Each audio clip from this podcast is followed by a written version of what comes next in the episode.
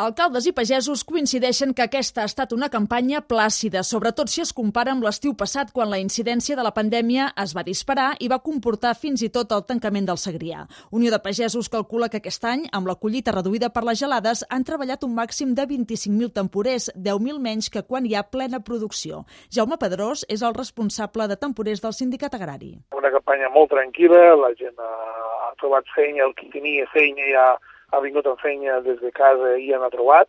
Els que no en tenien, malauradament no n'han aconseguit, però tampoc no n'han vingut tants perquè molts s'han quedat a la costa fent altres coses. Els cribratges periòdics a les empreses i la campanya de vacunació específica per al sector agrari amb monodosis de Janssen han estat mesures efectives, segons l'alcalde del Carràs, al Baix Segrià, Jordi Janés. Hem passat una campanya doncs, tranquil·la, que no hem tingut que fer ús dels espais que teníem habilitats per confinaments i persones positives, i resultats han estat doncs, òptims. En paral·lel, però, entitats com Fruitem, Justícia Social i sindicats com l'UGT asseguren que al pavelló de Fira de Lleida, que tanca avui, hi han dormit temporers amb contracte que haurien d'haver estat allotjats pels empresaris. Xavier Parelló, de l'UGT, creu que l'Ajuntament hauria de denunciar aquests casos. Crec que la paeria hauria d'actuar d'ofici, hauria d'interposar denúncia directament a inspecció. Persona que té contracte i persona que va a l'allotjament que no els hem donat allotjament, la paeria, nosaltres entenem que hauria d'actuar d'ofici.